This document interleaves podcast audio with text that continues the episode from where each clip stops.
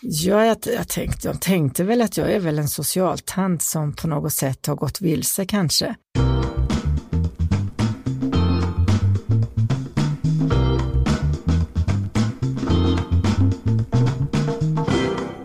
Bakom Systembolagets överlägset mest sålda alkoholfria vin ligger en 60-årig före detta familjeterapeut. Och det var erfarenheterna från kvinnojourerna som blev drivkraften till Moa Gurbysers företag. Men vägen från idé till succé var lång. Jag heter Joel Dahlberg och du lyssnar på podden Min första miljon. Först några ord från poddens sponsor.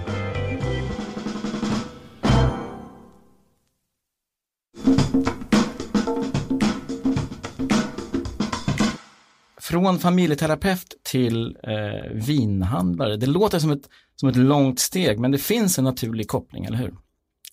Ja, det gör det. För mig gör det det.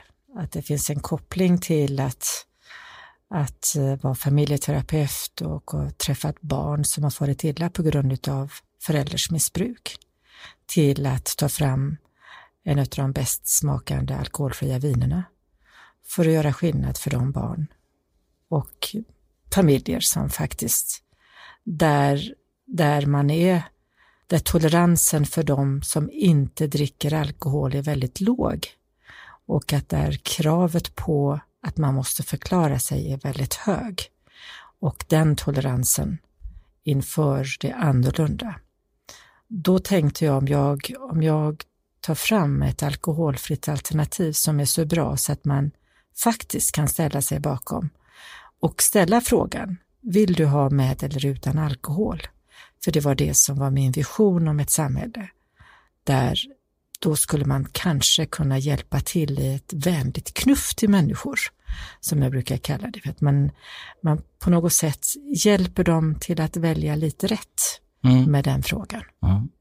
Kan du, om vi går tillbaka lite grann, eh, din, din arbetssituation tidigare då, där den här idén föddes kan man väl säga. Mm. Hur kunde en arbetsdag se ut för dig då för en 7, 8, 10 år sedan?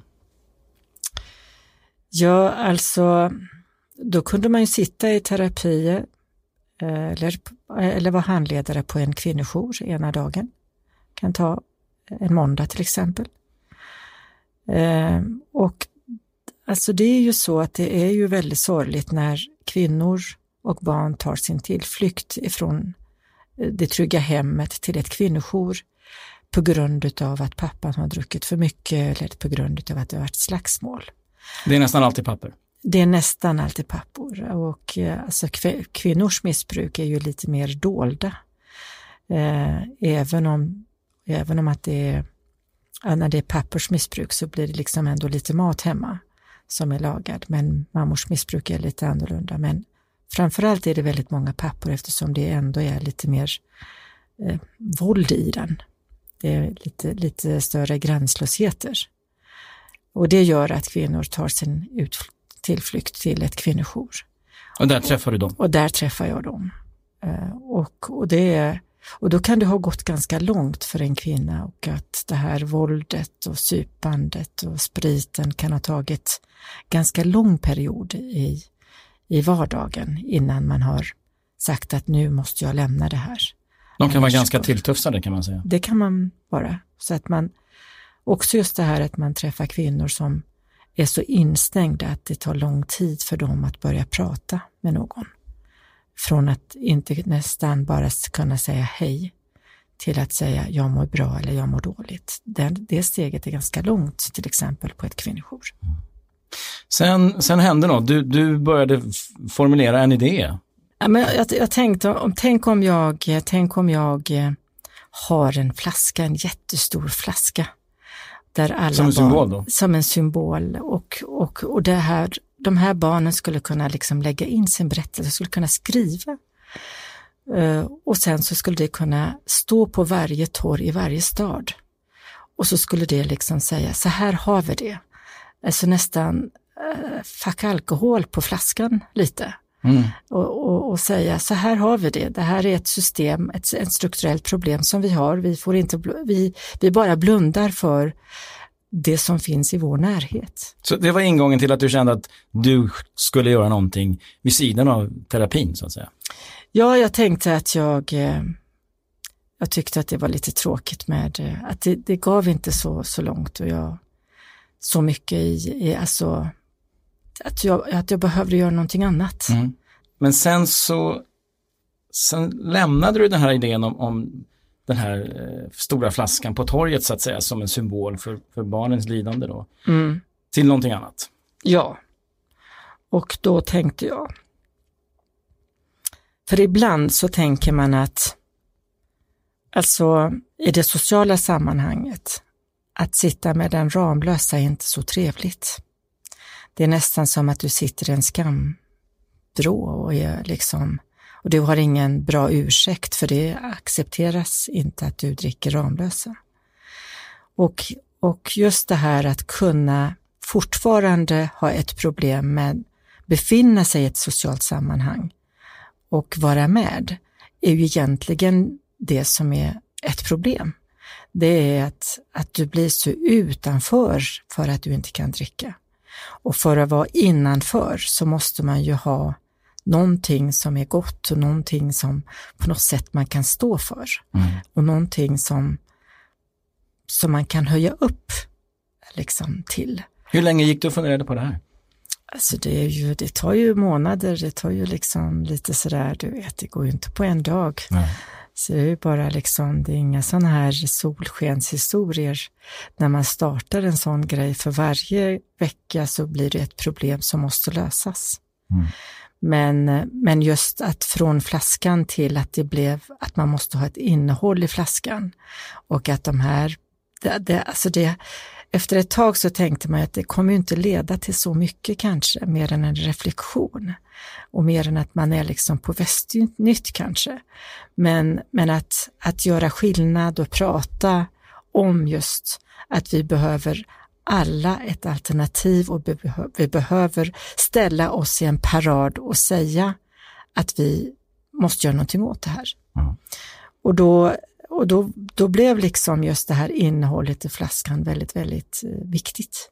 Men du tog till det som jag förstår det och kontaktade Systembolaget.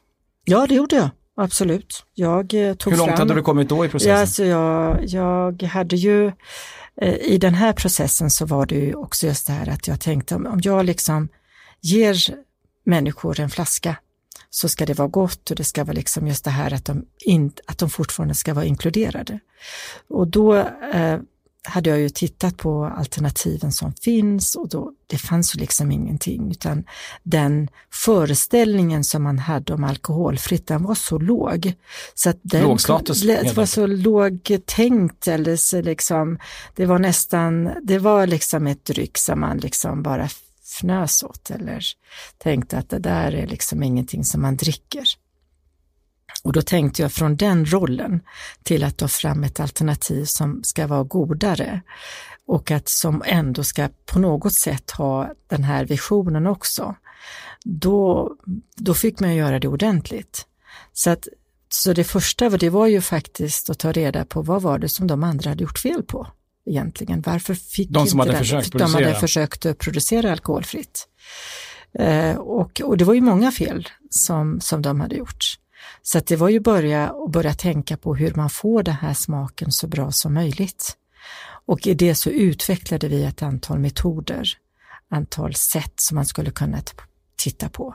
Och när du säger vi, vilka menar du Eh, då? Då var det jag och min son till exempel som också är kemist Eh, och, och andra runt omkring mig som på något sätt där jag ställde normala frågor och så fick jag ganska onormala svar skulle jag säga.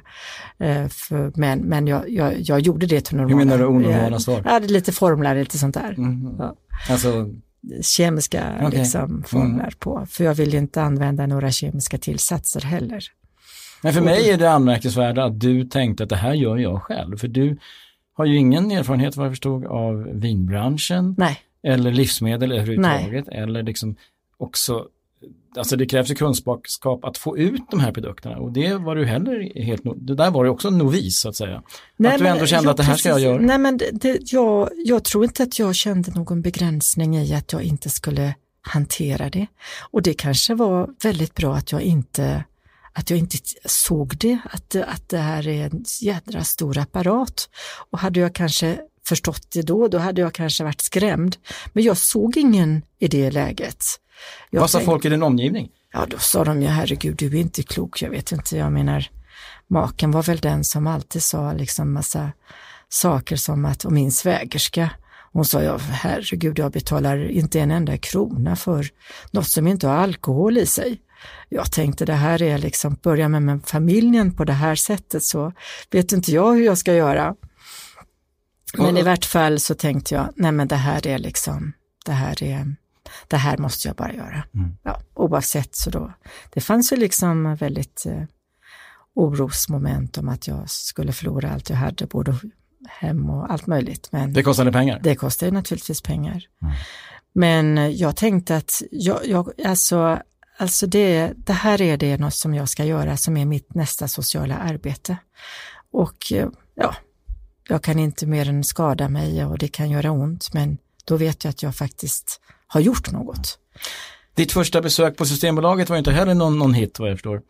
Nej, men då sa de ju att eh, ja, för att göra det här stort och så Vem som jag ville, då? då träffade jag inköps, eh, inköparen på Systembolaget. En väldigt trevlig man och det är väldigt trevligt att man faktiskt kan få komma till, till Systembolaget och träffa en inköpare och säga sin idé och ta fram en produkt och säga att det här vill jag få in på Systembolaget. Det tycker jag är verkligen fint. Men de jublade eh, inte? Nej, nej, de sa ju att jag måste ha en, ett varumärke och jag tänkte, vad sjutton är varumärke?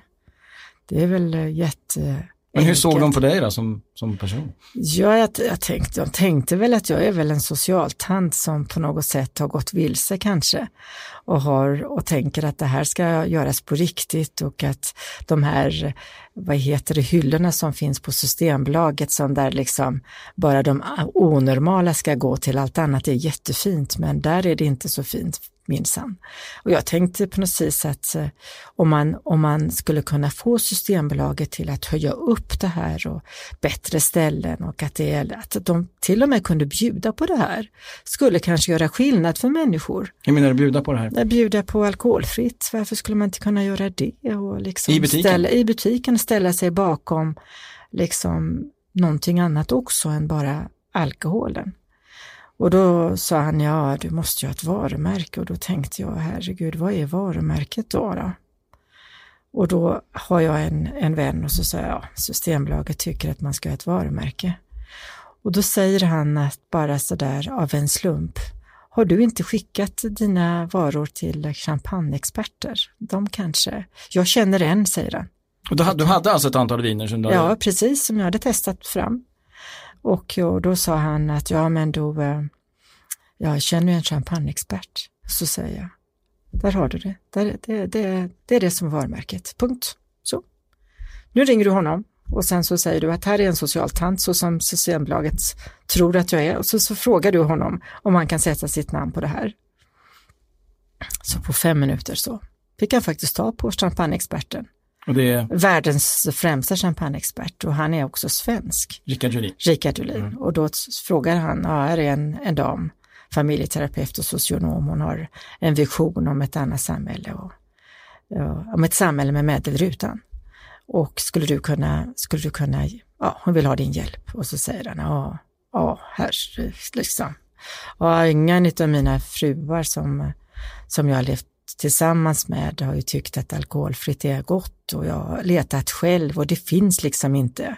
Hur ska man göra det här? Och då säger jag, du bara lämnar detta till mig. Träffades ni eller hur gick det till? Nej, det här var i telefon i okay. första. Sen träffades vi. Mm. Och då tänkte jag, och när vi träffades så sa jag, lämna detta bara till mig, tala om vad du vill, för jag vet hur man gör det här.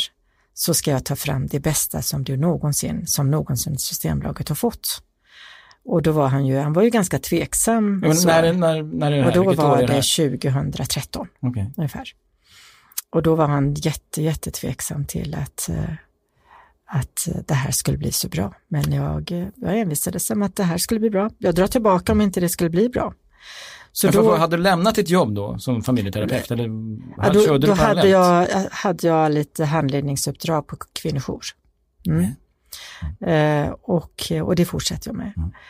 Eh, och så föreläste jag lite på Göteborgs universitet lite och så. Mm. Och då, eh, eh, då tänkte jag så här att ja, och då ringde jag när jag hade fått hans okej okay och att jag absolut, att det ska vara franska viner och, och så vidare och så vidare. Mm, måste avbryta det här. Alltså Rickard Julin är en efterfrågad man. Ja. Hur bar du dig åt? Nej, men alltså, är du envis bara? Ja, alltså jag, nej men alltså min, min vän, han hittade honom eh, direkt. Mm. För de kände varandra sedan tidigare. Mm. Att, men det krävdes ändå, du var ändå tvungen att övertyga Rickard ja, Rydin som, som sagt en efterfrågad Ja, det är ju liksom, så att, så att, och han var ju väldigt, väldigt tveksam så att det tog ju lite lång tid att få ett möte med honom. Och då var det så här att då var han på väg till Malmö i något annat sammanhang. Och då sa jag så här, men jag kommer till Malmö, det är inga problem för mig. Av en, och då hade han bara någon timma mitt emellan någonting. Han, han var på ett ärende så jag passade på att ta det här ärendet mitt emellan. Mm. Så att han fick liksom förstå vad det här handlade om mm. tillsammans med, med, med den, vår gemensamma vän då. Och eh, ut, efter det då så, så bjöd jag faktiskt Systembolagets inköpare och vinexperter till vingården i Frankrike för att egentligen tala om att det här är på riktigt. Det här är inget, inget liksom druvjuice eller mm. så, det här är från riktiga vingårdar. Och då sa de ju, hur, hur hittar man sådana här fina vingårdar? Men de letar efter med alkohol och jag letar efter med de som jag kan ta bort alkoholen och då vet du hur det ska smaka från början. Och, och då blev det, och med hjälp av, av Rickard så blev det liksom jättefint eh, liksom när man valde ut rätt ifrån början. Mm. Men hur övertygar man en fransos om att tillverka viner utan alkohol? Är inte det också ja, du ganska vet, svårt? Det, kan, det är jättesvårt. Det, det får man massa fnissar åt. Det kan man liksom, de bara lämnar den och går. Bara man nämner att man, att, att man ska ha alkoholfritt. Jag, jag tänker på när jag var på franska ambassaden, så, så var det liksom så här, ass, vad, vad pratar du om lite grann? Men, vad gjorde du på franska ambassaden? Då, var det, då skulle jag presentera alkoholfritt för, eh, för franska ambassaden, mm. bland andra vinimportörer eller exportörer skulle mm. jag säga. Eh, och då, då, då, jag var den enda som fick väl komma in då, men och tack vare, tack vare Rickard också. Mm. Eh, så då blir det, då, och då, de, de trodde ju inte på det här, men när, när det var franska nationaldagen, då hade vi en monter ute på trädgården och då var det ju lång kö till mig och inte till någon annan med alkohol. Och då kommer ju han, ambassadören, fram och så sa han, det där ser väl bra ut. Eh, och då tänkte jag, ja, tack ska du ha, det här blir jättebra. Och då, då blev det också en hel annan, ett helt annat eh, så. Så det mm. tog ju lite lång tid det måste väl ha känts väldigt bra att, att liksom locka till sig den största kön på franska ambassaden. Men ja, det är det. Absolut, alltså jag tänkte att ja, ja, det här kommer att gå. För varje liten sån här grej så fick man ju lite så här, du vet, jättegoda känslor i magen och säga, vänta ni bara. Det kommer att liksom ringa till mig en dag och beställa, vilket de också har gjort. Ja. så det var ju väldigt bra bingo. Var det ambassadören själv som ringde då? Eh, nej, det var nog hans inköpare som ringde, men han, han såg väl till att han att han eh, det kändes ringde. bra. Det kändes väldigt bra mm. faktiskt. Och sen har jag ju gjort resan med just de här alkoholfria med att ställa mig på Fashion Week i Stockholm till exempel. Ifrån att ha både med alkohol utan alkohol mitt på dagen så blev det bara alkoholfritt. Så. Och jag är ju också, eh, jag är ju också dryckespartner till Porsche. Mm. Mm. Hur blir man det? Ja, det, det, blir, det vet jag inte hur man blir, men, men jag blev det i vart fall.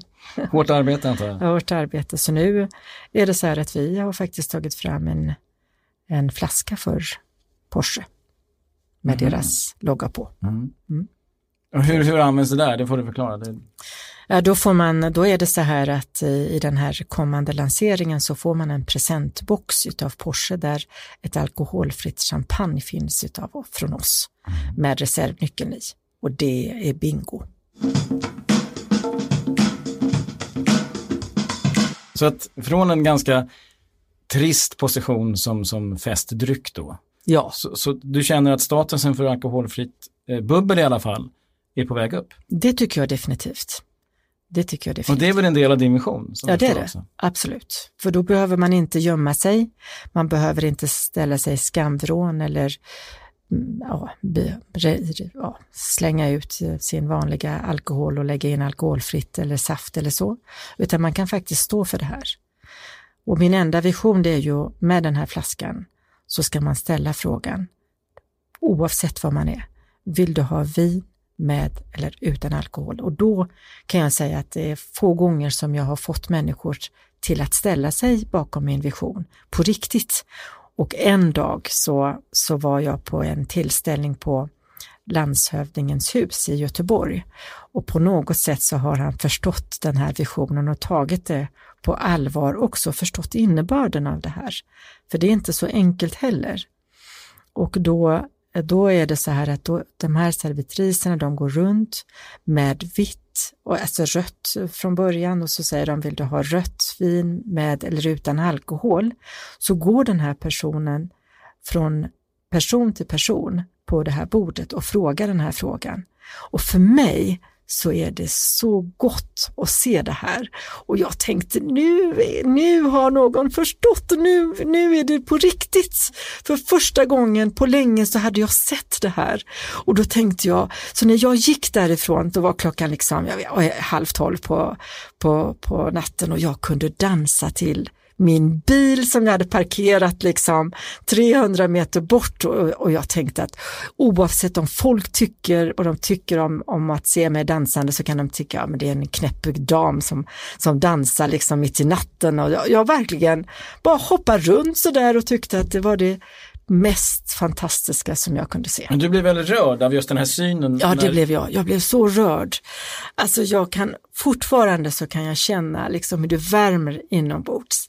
För då blev det, då blev det någonting annat på bordet. Och man testar det och ser vad som händer. Du menar så att förstår det blev man. Annat? Jag menar, ingen behövde förklara sig och det blev liksom rent naturligt. Du behöver absolut inte ställa dig och, och, förklara först att du kör bil eller att du har tagit en medicin eller du, alltså den förklaringen togs bort bara och det blev lika naturligt som, som något annat. Tänk att jag har en vision och det ska vara lika normalt som att få frågan, vill du ha kaffe med eller utan mjölk? Så då kände du att det var det du hade drömt om? Ja, det utspelade det, sig? Ja, precis. Och det tänkte jag, wow! Liksom, nu äntligen, någon som har förstått mig och någon som har sett min vision och någon som faktiskt gör det här på på riktigt. Du blir fortfarande rörd märker jag. Ja, det är alltså, det, det, den, den känslan kan inte, kan inte jag få ur mig liksom. Det kan jag inte, för det är en av sådana här, du vet, känslor som man kan liksom springa 360 kilometer till igen, gång på gång. Eh, det är uppenbart att, att eh, du har ju kämpat för det här ja. ganska många år. Ja. Och om vi bara går tillbaka lite grann till, till ja. din, ditt liv som familjeterapeut. Var det någon speciell något speciellt familjeöde, något speciellt barn som gjorde att du kände att nu måste jag göra någonting annat? Eller var det liksom ackumulerat, den här, den här smärtan som du hade sett? Det som gjorde ju, att du bestämde dig? Ja, alltså det finns ju vissa barn som du aldrig kan glömma. Sen är ju hela den här, alltså livet som, som socialarbetare, den är ju tuff i sig. Alltså det finns det är ju så många familjeöden som du träffar på. Men naturligtvis så tar du till dig några mer barn in till dig, där du varje, speciellt om du har omhändertagit, eh, och där du varje, varje jul tänker på alla barn som du faktiskt, dels de barn som du har omhändertagit, men dels för att du vet hur, du, hur det är för ett antal barn som du inte har. Så man ligger väldigt kluven till. Det är ju en av de värsta sakerna som kan hända, det är att man omhändertar barn på grund av förälders missbruk. Så naturligtvis har jag historier som berör mig extra starkt, men det vet inte jag om jag ska gå in på här, för de är ganska långa och smärtsamma. Mm. Vi, vi, förstår att, att det har varit eh, många känslosamma ögonblick. Som, men det, det, det ändå var en, det är en starkt drivande kraft ja. i det du gör nu. Ja, absolut. Mm. Kan jag fråga, den här podden heter ju Min första miljon. Ja. Och jag förstår så, så fanns det en sån i ditt fall.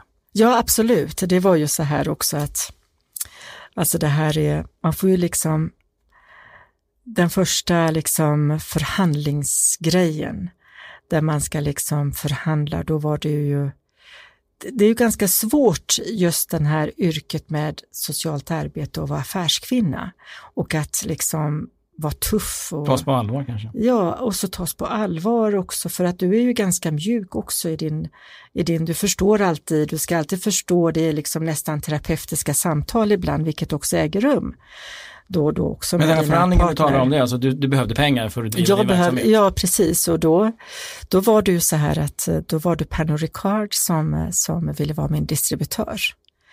Och, och då var det, och jag tänkte att de här är så stora. Det är ju jättar. Det var ju då jag förstod att herregud, de kan ju äta upp en liten, mm, liksom på en dag. Och att jag hade vågat ända hit och nu sitter jag här i förhandling med dem. Eh, och det är ju världens näst största vinsprittillverkare, eh, men de ville vara med. Eh, så, och Rickard hade samarbetat med dem, med MUM och lite sånt här, så att han tyckte att det var en naturlig del att, att de skulle Så han var med då? Ja, precis, absolut. Och då, och då så var det liksom så här att jag, jag hade liksom inga pengar kvar till att köpa in viner. Men du hade satsat en del eget Ja, det, det, absolut. Eh, så att, så att det egna kapitalet och alla andra pengar började sina ut. Så försäljningen på Systembolaget måste komma igång. Ja, och de ville ju bara köpa, jag tror att de ville bara köpa 5 000 eller 10 000 flaskor utav mig och det, det var inte tillräckligt för jag hade redan kommit överens med vingården att, och de, jag fick det priset, ett väldigt förmånligt pris som jag hade handlat för 30 000 flaskor. Så här handlade det om din överlevnad? ja, precis, företagare. absolut. För alltså, det var ett väldigt sån här jätteknivig situation och då säger jag till Pernod eh, att antingen så köper du 30 000 flaskor eller så blir det inget avtal. Och du vet att då gick jag, jag tror att jag hade telefonen och jag har en liksom lång korridor på det här, eh, liksom eh, korridoren där jag har mitt kontor. Alltså jag tror att jag gick ungefär en 30 gånger fram och tillbaka. Och sen så hade jag en ung student ifrån Handelshögskolan som hade börjat hos mig. Ehm, som var med där? Som var med och så, så satt vi och han sa att det här kommer aldrig gå, sa han. Så sa jag, vänta du. Klockan var halv sju. Och då så, så sa vi så här, vi släpper ut en nyhet. Jag sa så här, vi släpper in en nyhet det är någon annan som ska vara min distributör. Så, så, så ser vi vad som händer. Då släppte vi en nyhet att det var något annat som skulle liksom ha distributörer. För, där och då? Där och då, precis. Eh, och timman efter så ringde de och så sa de, har du, har du skrivit avtal med någon annan? Nej, jag är på väg, sa jag. Så jag, väntar, jag har ju väntat nu. Klockan är tio i sju, så du har ju tio minuter på dig, för annars skriver jag med det andra företaget. Och då sa de, okej, okay, du får vad du vill. Så gick det. En miljon? En miljon. De sköt till en miljon helt enkelt? Till... Ja, det var vad jag behövde. Mm. Mm. Och sen, sen var du igång? Sen. sen var jag igång. Sen kunde jag ringa till Vin till och säga att nu, du, får, du får dina pengar och dessutom så kan jag reservera. Fanns det någon annan distributör? Ja, det gjorde det. Absolut. Mm. Det var inte på skoj, utan det gjorde det. Utan jag hade en annan distributör som jag faktiskt kunde ringa till. Mm. Med din erfarenhet nu eh, och framgång måste man säga. Ja. 200 000 flaskor på systemet förra ja. året. Eh, vad, ha, vi frågar ju alla som kommer hit till, till, vår podd, vad har du för tips? Till de som har en idé kanske, ja. men inte vet var de ska börja. Alltså, jag tänker mig att att ha, att ha alltså föreställningen, det är viktigt att man föreställer om någonting som man vill göra och att den bilden, visionen, att, den, att, den, att man på något sätt utmanar den, utmanar den alltid och ser till så att den hittar sin plats. För utmanar, den inte, utmanar du den inte så blir det inte verklighet. Men om du har en vision, en idé om någonting, utmana den varje dag, varje vecka till dess att det blir en verklighet för dig. Och jag tror också att det är väldigt viktigt att att hålla fast vid den värdering som du har och släpp aldrig ifrån dig modigheten för det är liksom det som Alltså det är bättre att man är lite knäpp. Men det är bättre att, att vara lite knäpp. Hur menar du då att det är bättre att vara lite knäpp? Eller i varje fall, alltså man ibland att man tar lite risker. Och, och kanske inte alltid tar till sig vad andra folk tycker och säger om en. Nej, men har du bestämt dig för en sak, kör liksom lite grann. Hur vet man att det är rätt då? Det är också en viktig fråga. Hur vet man när det är rätt? Ja, det vet man inte när man startar. Det är bara en känsla. Den kan vara fel och den kan vara rätt också. Men, men känslan och logiken ska ju nästan gå i hand i hand. Eh, man skulle säga man ingår i förhållanden lite, så blir det lite samma sak. Att eh, Man går på känsla? Man går lite på känsla. Och man tänker att, alltså jag hade ju, jag, jag, det, för mig så var det liksom så här att om det inte var det här så var det det andra, något skulle jag göra. Och, och jag är väldigt glad att, att, att jag tog de här utmaningarna och gjorde detta. Jag menar, jag satt ju på Svenska mässan och hade stora anteckningsblock där 1137 människor fick smaka på mina viner, där jag exakt skulle tala om vad svenska folket gillade för smaker. Det är någonting, alltså det är inte, det är alltså det är, du, när du utmanar den så måste du jobba för den. Alltid. Det tror jag. Visste du hur mycket jobb det var från början när du började? Nej, det tror jag inte att, att, att jag hade tänkt att det skulle vara eh, så, men man får, man får ha ganska stor disciplin. Hade du orkat, tror du, utan den bakgrund som du har med den väldiga motivation som det innebär, antar jag, mm. att, att vara medveten om vad barn står ut med, vad barn är med om ja. i vissa familjer. Hade du orkat utan den Jag hade vetskapen? nog inte gjort det om jag inte hade mm. haft den bakgrunden. Så hade jag inte gjort, gjort det. För det är inte, alltså det, alltså det här är ett, ett, ett en, kommer ifrån en social vision om, om någonting som vi behöv, måste utmana sig och arbeta med. Så jag skulle gärna vilja att vi utmanar oss allihopa i den här frågan. Men jag hade, inte, jag hade nog inte gått så långt och eller skytt några medel om jag inte hade de här barnen i min famn och i, i, på min rygg eller på min axel. Det hade jag nog inte så, utan det här var den enda rätta vägen. Det här är liksom det som jag kan göra, som jag minst kan göra. Jag tycker inte jag har gjort något. Men om jag en dag får, kan se just att, att folk har börjat fråga och att det är en sanning, då tror jag att vi har räddat väldigt många. Mm. Och den hjälpen behöver jag fortfarande. Alltså, lika många flaskor, lika många frågor. Jag förstår. 2019, eh, ganska nytt år, vad förväntar du dig av året? Ja, jag tänker mig att den här trenden av alkoholfritt ska hålla sig och att man faktiskt är ganska hälsomedvetna och att man vet vad som händer med kroppen vid intag av alkohol, att man vet att man har människor runt omkring som behöver den här frågan och reflektionen framför allt. Eh, med eller utan alkohol? Med eller utan alkohol, precis. Eh, så att jag ser fram emot och eh, att 2019 blir ännu bättre än 2018. Mm. Vi ska precis avsluta, du går härifrån alldeles strax. Vad ska du göra då? Omedelbart nu, ska du hem till Göteborg? Eller? Ja, strax så ska jag hem till Göteborg, men jag ska träffa min systerdotter och då ska vi ha middag utan alkohol. Jag förstår. Moa Gudbyser, tack så hemskt mycket för att du kom. Tack så mycket själv för att jag blev inbjuden. Tack. Det var veckans avsnitt av Svenska Dagbladets podd Min första miljon. Men missa inte förra veckans intervju med Stina Ehrensvärd, industridesignern som flyttade med hela familjen till Silicon Valley för att nå sina mål. Nu har hennes företag Yubico fått kunder som Google, Facebook och Microsoft.